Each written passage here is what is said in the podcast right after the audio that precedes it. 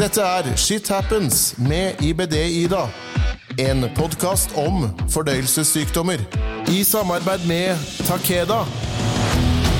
Når du har IBD eller en fordøyelsessykdom, eh, for å si det litt lettere, så er det mye sykehus og mye legebesøk. Og jeg tror ikke jeg tar feil når jeg sier at de fleste, eh, som meg, har tenkt at den legen, den sykepleieren eller helsefagarbeideren for den sakens skyld, skulle hatt prøvd seg i mine sko. For faktisk å kunne forstå hvordan det er å leve med det vi lever med, da ut og da inn. Og i dag så har jeg en gjest som faktisk forstår. Hun har prøvd seg som gastrosykepleier før hun selv ble syk, og nå så er hun da en gastrosykepleier med IBD-diagnose selv. Velkommen til deg, Anette Wendelborg. Takk. Først så tenker jeg at det er greit at du forteller litt om deg sjøl. Hvem er du? Ja, eh, Anette, da. Jeg er 29 år, Jeg har en datter eh, som snart blir to. Jeg jobber som sykepleier på gastroavdeling. Det er ikke så veldig mye spennende å si om meg, tror jeg. Ah, Jeg tenker det var veldig bra. Jeg syns det var en bra, en bra intro av deg sjøl. Og aller først så jobber jo da, det sa du jo, du jobber jo på sykehuset som gastrosykepleier, eh, og det gjorde du altså fra før du ble syk. Eh, Kan ikke du fortelle litt om hva som skjedde da? tenker jeg liksom, eh, Før når du begynte å merke litt sånn at ting ikke var helt som det skulle. Hva skjedde? Hva, hva merka du? Altså, jeg var faktisk ikke i jobb når jeg ble syk. Eh, glemte jeg å fortelle deg. Men eh, fint. jeg var i permisjon. Ja. Jeg hadde akkurat fått en datter, og tre-fire måneder etter at jeg fødte henne, så begynte jeg å bli ganske dårlig. Mm. Og tenkte i starten at eh, nei, men dette er jo sikkert en del av det jeg skal gjennom etter fødsel. Ja, ja, og det er jo mye vi skal gjennom da. Så det er rart å Og det er mye man eh, ikke blir fortalt. Ja. Så jeg tenkte jo ikke noe over det, mm. men gikk hyppigere og hyppigere på do. Mer og mer blod, slim. Og på det verste var jeg oppe i 20 ganger på do om dagen, rett og slett. Og det samtidig med en baby. Ja, Ah, ja. absolutt. Hun var heldigvis en veldig snill baby, da, Jo, så jo. hun lå på badegulvet mens jeg gikk på do. Stakkar. Ja. Så det var jo litt av en start. Tenkte du da eh, at dette her var en del av, av på en måte barseltida? Eh, ja, altså hele den tiden var litt sånn unntakstilstand. Man visste jo ikke helt eh, forskjell på opp og ned og hva man skulle gjøre, eller alt var helt nytt. Ja. Så jeg, jeg tenkte faktisk ikke over at oi, jeg er skikkelig syk.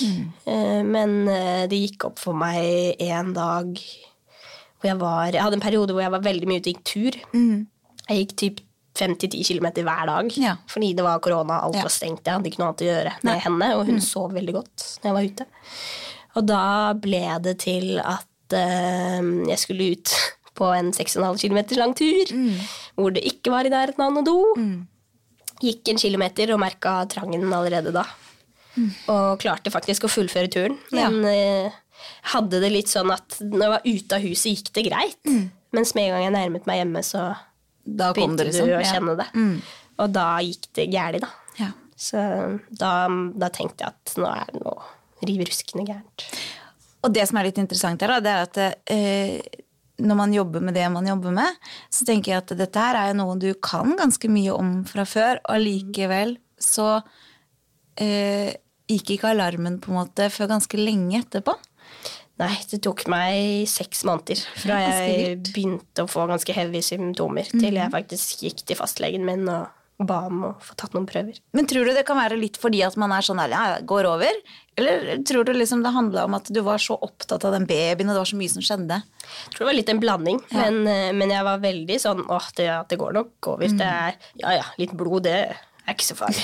Det, var litt sånn, det sa jeg til samboeren min også. Oi, nå bæsjet jeg blod. Ja. Så var han sånn Oi, det hørtes jo ikke så bra ut. Nei. nei, men det, det går jo over, tenkte jeg bare. Sikkert en, eh, en rift, eller Ja. ja. Men så er det at når det, man gjør det relativt ofte, da, så er det jo stort sett greit å få sjekka det opp, ja. Absolutt. Når du da, eh, Hadde du smerter underveis av dette her? Mm. Jeg hadde veldig mye smerter i forbindelse med toalettbesøk. Ja. Ikke så veldig mye ellers, Nei. Men veldig mye i forkant av at jeg måtte på do. Og vi bodde i en liten leilighet med kun et bad. Ja. Så måtte jeg på do, så måtte jeg på do. Og da, var det bare, å sånn, å dytte han bort og sette seg ned sjøl. Ja. Men så skjønner du at dette her ikke er kanskje helt sånn som du skal, og så må jeg jo bare spørre, er det sånn sånn du var, er det sånn du tenker at pasienter skal være? Eller tenker du at du burde hatt heist det flagget litt tidligere? Nei, her burde det kommet et varselflagg oppi Ja. hodet på meg ganske mye tidligere. Altså. Det er Spesielt med den kunnskapen jeg sitter med i faget mitt og, og det jeg jobber med. Så det er jo det Jeg gjorde jo det stikk motsatte av det jeg ville sagt til pasientene mine sjøl. Merkelig. Ja, men jeg tror når ting opp, når det gjelder seg sjøl, så blir vi litt sånn derre eh, blinde, kanskje. Absolutt. Ja. Men så eh, drar du til fastlegen. Ja. Og da? Hva skjedde da? Da tok jeg jo alle disse avføringsprøvene som man nå tar, eh, og fikk tilbake en kaldproduktin på langt over 3000. Ja. Så han eh, henviste meg til sykehuset for en koloskopi. Jeg fikk en innkallelse, men de hadde jo selvfølgelig sommerstengt. ja. Så jeg fikk ikke en time før midten av august.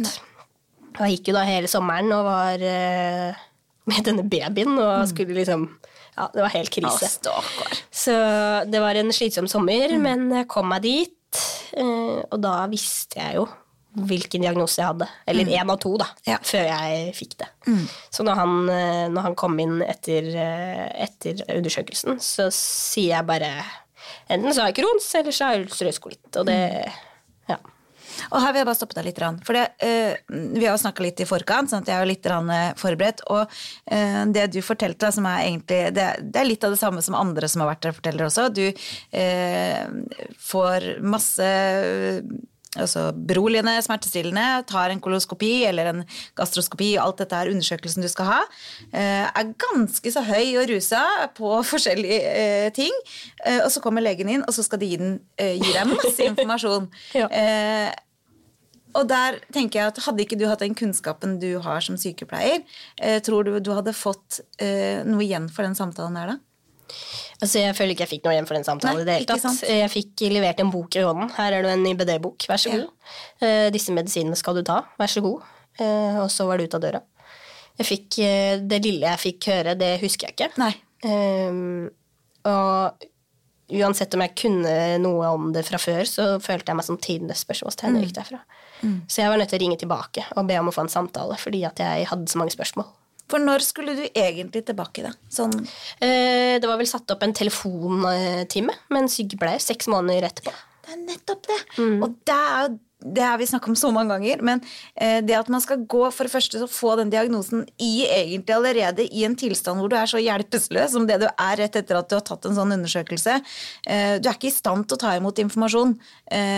Og så skal du gå så lenge før du får en ordentlig samtale. Det, er henger holdbart. ikke på greip. Nei, ikke det hele tatt. Eh, Og nå er vi liksom i 2022, så vi burde ha kommet såpass langt at eh, vi ikke var der.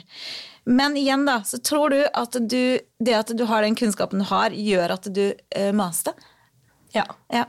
det tror jeg. For jeg tror veldig mange hadde bare latt være.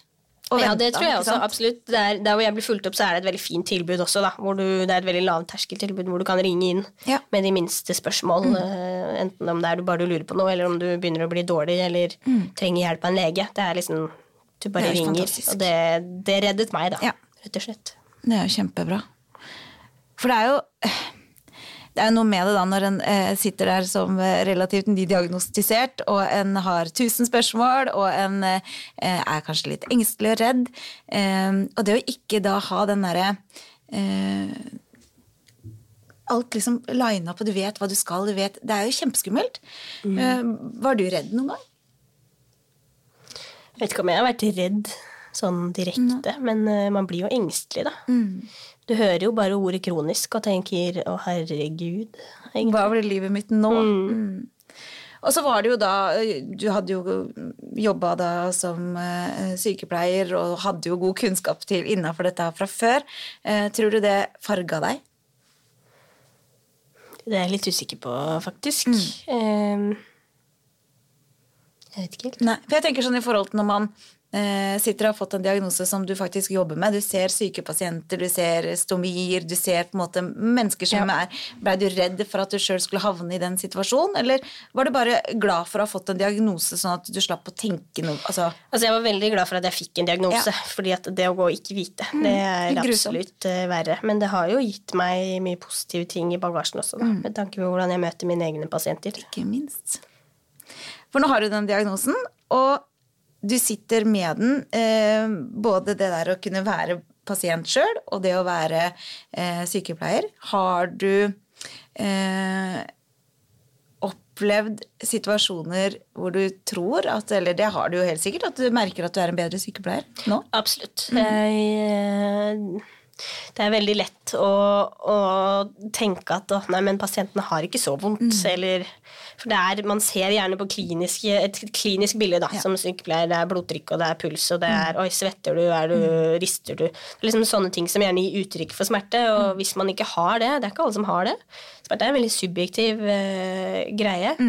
Eh, og det er, alle opplever det veldig forskjellig. Så du får et helt annet bilde av folk. fordi hvis jeg ser en pasient som sier 'jeg har kjempevondt', men du ser ikke tegnene til det, så kan du jo velge å ikke stole på det. Men i de fleste tilfeller så stoler jeg på det, fordi det er jo ingen som vil være på sykehuset. Nei. Frivillig. Du ligger jo ikke på sykehuset, med mindre den mini-mini-mini-prosenten da, som faktisk gjør det, og som er ute etter Andre ting. Ja. andre ting.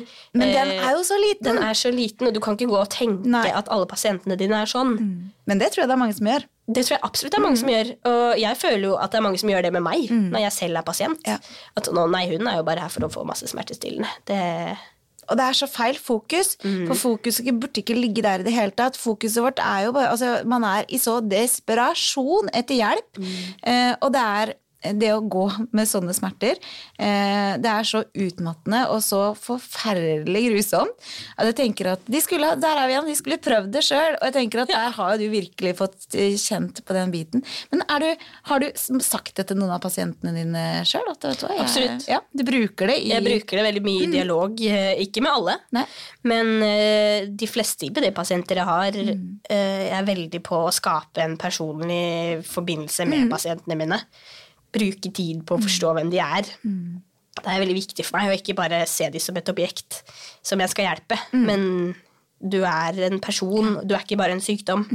Så, du må liksom se hele bildet, og da syns jeg det er så sykt viktig da, å, å kunne connecte på et eller annet. Og da bruker jeg gjerne det. Å ja, du har Crohns, har du ulcerøs kolitt? Ja, det har jeg jo. Altså, det, man, man treffer liksom et punkt hvor du på en måte bare forstår hverandre på en litt annen måte enn man ellers ville gjort. Da. Merker du at pasienten blir tryggere på det? I enkelte tilfeller. Ikke alle. Men uh, veldig mange blir sånn Oi! Er du For det er gjerne ytterpunktene jeg ser på, i min jobb. Ja, det er ikke alle de, de eh, tilfellene hvor man lever godt med det. Men det er de verste av de verste. Og da blir de litt sånn Oi, er du i jobb? Og de får litt sånn bakoversveis, noen av de. Ja, for det er jo viktig å få fram. ikke sant? At eh, selv om man har eh, Crohns eller ulcerøs kolitt, så finnes det jo absolutt de som lever gode liv. Eh, og jeg tenker at for meg, da hadde jeg vært deg, som jobba med det du jobba med, og ikke hadde så mye kunnskap da eh, rundt de, de sykdommene utenom det man ser på jobb og sånne ting, så er det klart at jeg tror jeg hadde blitt dritredd for livet mitt framover. Eh, du virker jo som å ha takla det veldig greit. Eh, enkelte tilfeller så føler jeg jo det sjøl, men eh, ikke alltid. Det er eh, sitter fortsatt som et spørsmålstegn, og jeg er veldig nervøs for fremtiden min. Jeg vet ikke hvor den vil bære, rett og slett. Nei, og det er jo den uvissheten, ikke sant. Det er jo at vi vet faktisk ikke. Vi kan ikke sette noe sånn derre eh, Da skjer det, eller da skjer det. Vi må bare egentlig sitte på den der karusellen og så følge med, og så kommer de loopene når de kommer, og de kommer vi jo ikke av. Eh, Vi må, gjøre det beste ut av det. Ta dag for dag, rett og slett. For det er så uforutsigbart. Veldig. Men nå som du jobber med dette her, eh, tenker i forhold til både eh, dine kollegaer eh, Har de fått større respekt til deg som menneske nå som i forhold til kunnskapen din? Tenker, Jeg tror nesten jeg hadde blitt litt sånn eh, For du sitter jo nå med kunnskap som pasient og eh, jobber med dette her. Eh, til, tiltrykkes du, og så spør de deg om ting. Er de på en måte mer interessert i deg og kunnskapen din som pasient også? Nei, det tror jeg faktisk ikke. Nei? Mhm. Det er, jeg er veldig åpen på jobben min. Alle vet at jeg har en diagnose og, og sånn, men eh, det har jeg faktisk ikke opplevd. For tenk hvor mye de kunne lært, da. Jeg Ja. tenker at eh, En sitter jo der med enormt med. kunnskap som, som de burde egentlig bare sugd ut av deg. For det er jo, de jobber med, med pasientene hele tida. Vi prater jo veldig mye om det. det er, mange av kollegaene mine er jo gode venner av meg, Mm. som jeg har en veldig personlig forbindelse til også. Ikke Ja. bare 'å, du er en kollega', men jeg kan prate med de på fritiden også, da. Så vi snakker mye om det. Mhm. Eh, men det er ikke sånn at de kommer og spør meg om Noe råd og tips, liksom? Nei, det er det ikke. Nei, det er eh, mye de kunne lært, hadde de bare lytta litt. Jo, det gjør de, da. Ja, det er jo bra. Ja, det er bra. Ja.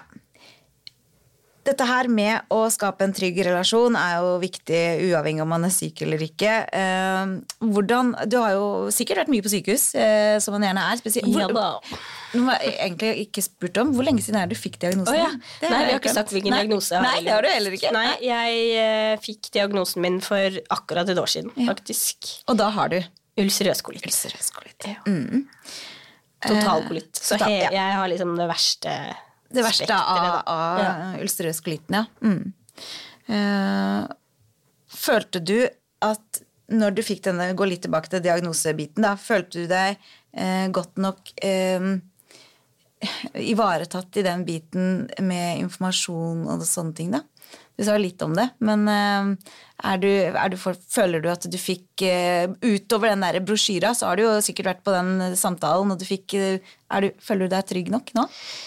Eh, Jeg føler meg veldig usikker med Hva tanke på, usikker på medisinering. Jeg er usikker på hvilke valg jeg selv har lyst til å ta. Um, og hvilke muligheter jeg har. For det fins jo all- utallige alternativer. Ja. Men uh, informasjonsmessig så føler jeg meg trygg, for jeg føler jeg har et godt nettverk. Ja. Jeg kan spørre. Jeg føler det er, det er så lavterskel å ringe inn. Der hvor jeg er, så er, Og jeg kjenner de litt også nå, så det er ganske trygt. De vet hvem som ringer når Ja. jeg sier navnet mitt. Så det, Og det er jo en trygghet. Absolutt. Eh, så er det dette med samvalg, at man sjøl har på en måte rett til å kunne være med og bestemme, men det gjør det ikke noe lettere, fordi vi må jo ha kunnskapen. Eh, og det er jo eh, sykehusets oppgave å gi oss. Ja. Kunnskapen om alle de tinga som vi kan være med på å velge. Vi snakka om dette her om å være innlagt på sykehuset. Eh, hvordan har det vært å være syk som pasient og som sykepleier? helt grusomt. Ja, fortell. si.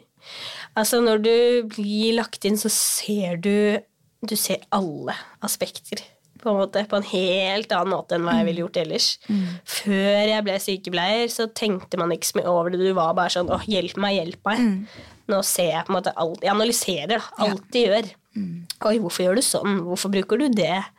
Eh, hvorfor tar det så lang tid? Det pleier ikke å gjøre det. Altså, du, du overanalyserer alt, og det er fryktelig slitsomt.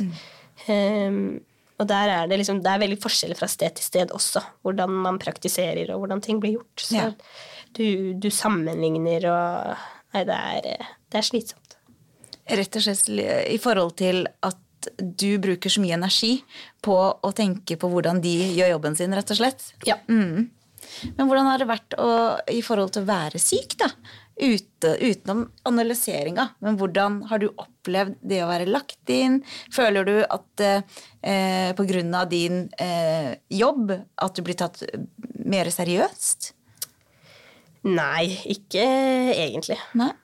Det er, det er det som er litt vanskelig med meg, fordi i de tilfellene jeg blir lagt inn, så klarer de ikke helt å skjønne hvorfor jeg har så vondt. Det er smerteproblematikk hver gang, og de skjønner ikke at det er knyttet opp til min diagnose. Så jeg, de blir jo bare stående der som et spørsmålstegn og tenker 'men hva skal vi gjøre?' Um, og så velger de ofte ikke gjøre noe, annet enn å smertelindre meg, og ofte da ikke tilstrekkelig.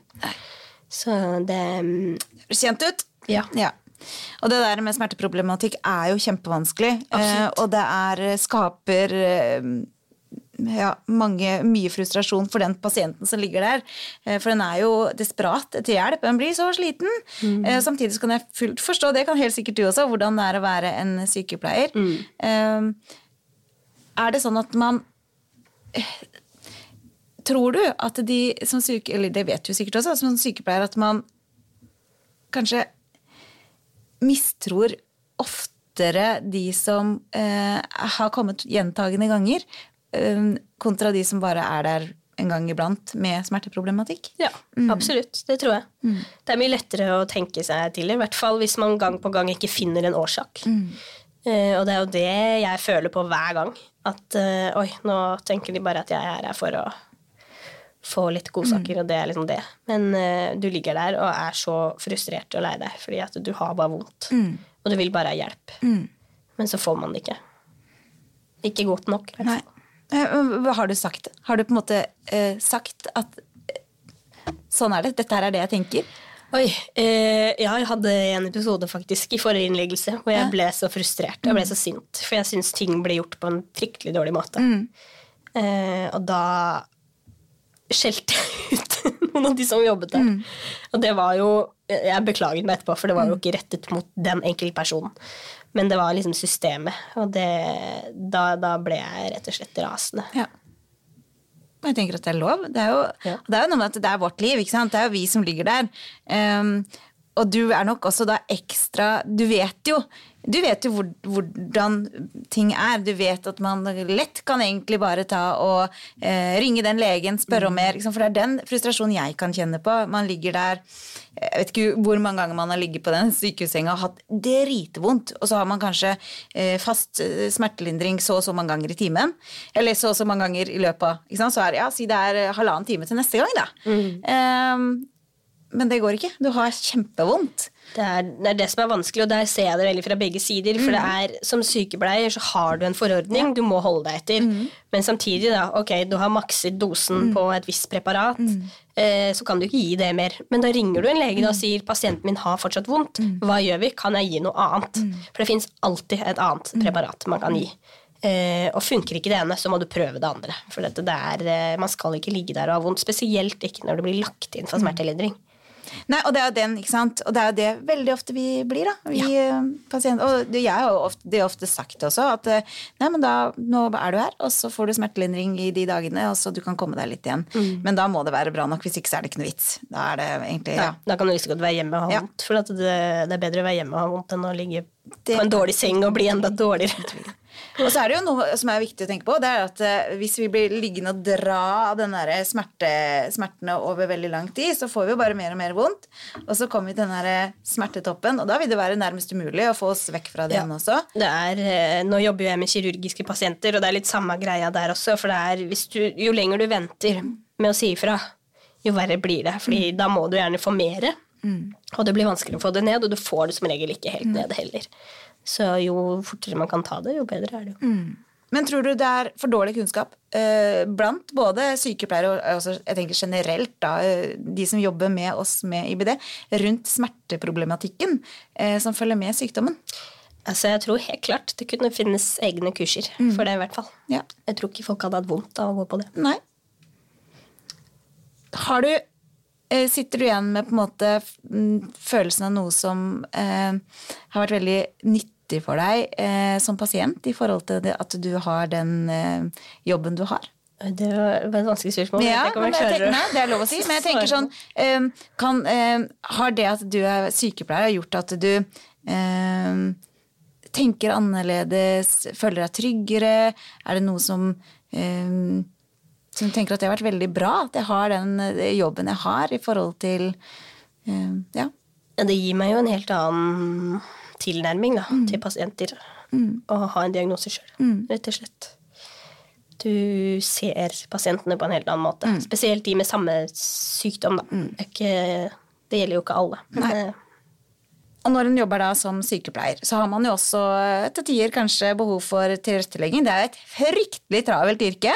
Og eh, jeg må jo si at jeg, det er all respekt, jeg får nesten gåsehud av å tenke på den For du, du kan jo stå der og måler et blodtrykk, et eller annet sånt. Du kan jo ikke bare Nå løper jeg, eller gjør man det?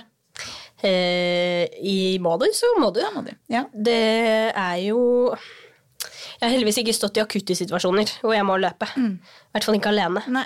Eh, og takk og lov for det. Mm. men hadde jeg gjort det, så hadde det måttet gå gærent. Fordi jeg må sette pasientene mine foran meg sjøl. Okay. Men eh, er det mindre betydelige ting, som du tar et blodtrykk, så sier jeg 'beklager, jeg kommer straks tilbake', Ja. og så går jeg. For hvis ikke det er så viktig, så klarer pasienten å vente. Har det vært god eh, forståelse fra eh, ledelsen, fra folk i forhold til tilretteleggelse? Føler du deg ivaretatt fra jobben, Sissi? Eh, altså, det er litt sånn vanskelig. Ja. De er veldig på spørresiden. Altså, De er veldig engasjert og lurer på om jeg har det bra og tenker veldig på helsen min. For eksempel, nå har jeg gått fra 80% skal gå til 100% stilling. Eh, og da er de sånn Er du sikker på at du vil gjøre dette her? Er du klar for det? Tror du kroppen din klarer det? De, de bryr seg veldig, virker det som. da. Eh, Så forståelse syns jeg absolutt jeg har fått. Når det gjelder tilrettelegging, så er det ikke så veldig mye å tilrettelegge. Enten så er jeg på jobb, eller så er jeg ikke på jobb, og i de dårlige periodene så er jeg sykmeldt, Ja. Rett og slett. Så enkelt. Ja. Og du føler ikke at det har um, Det har ikke gjort at de ser deg på en annen, en annen måte? Det at du må være sykemeldt innimellom? Og Det vet jeg ikke. Jeg håper jo ikke det. Uh, Jeg er veldig glad i jobben min og, og vil være der, så jeg håper jo at de på en måte ikke tenker negativt om meg, men jeg kjenner jo på dårlig samvittighet hver gang jeg er sjuk. for det skulle jeg spørre om. Hver, gang, det? Mm. hver gang jeg må ringe og si nå er jeg på sykested, og jeg vet ikke når jeg kommer tilbake. Det pleier heldigvis ikke å gå så veldig lang tid, men jeg ofte kan være borte en måneds tid. Mm. Og det er jo et problem for de, og det vet jeg jo. Mm. Um, så man kjenner jo på, på samvittigheten. Da. Mm. Er du redd for at sykdommen skal ta fra deg eh, yrket ditt? Ja. Mm. Fryktelig.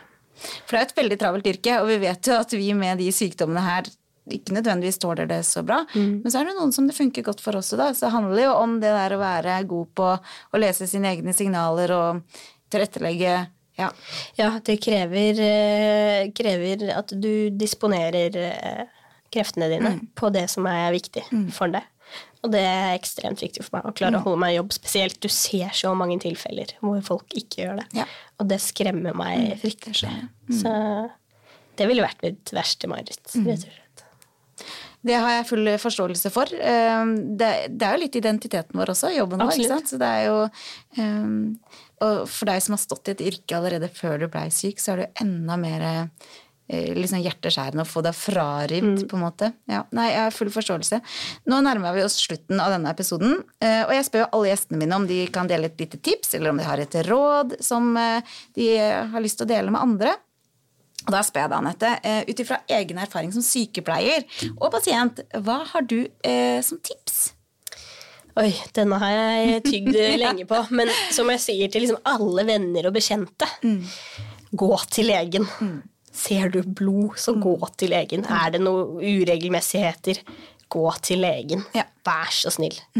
Fordi ja, i denne tilfellet var det en sykdom jeg kan leve med, men i mange tilfeller er det noe enda verre. Så please, gå til legen. Og da er det jo ikke noe tvil om at da er de seks månedene eh, fatale. Ja, Så absolutt. helt enig. Det kan være liv eller død. rett og slett.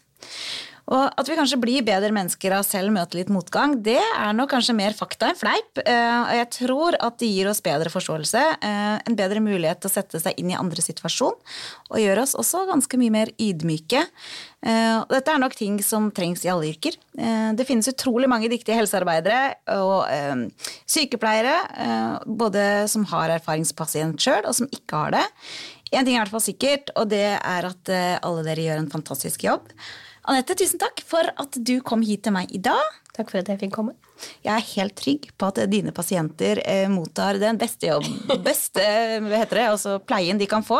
Eh, både i forhold til at du har den erfaringen du har, men også at du virker jo som et fantastisk eh, omsorgsfullt og bra menneske. Tusen takk.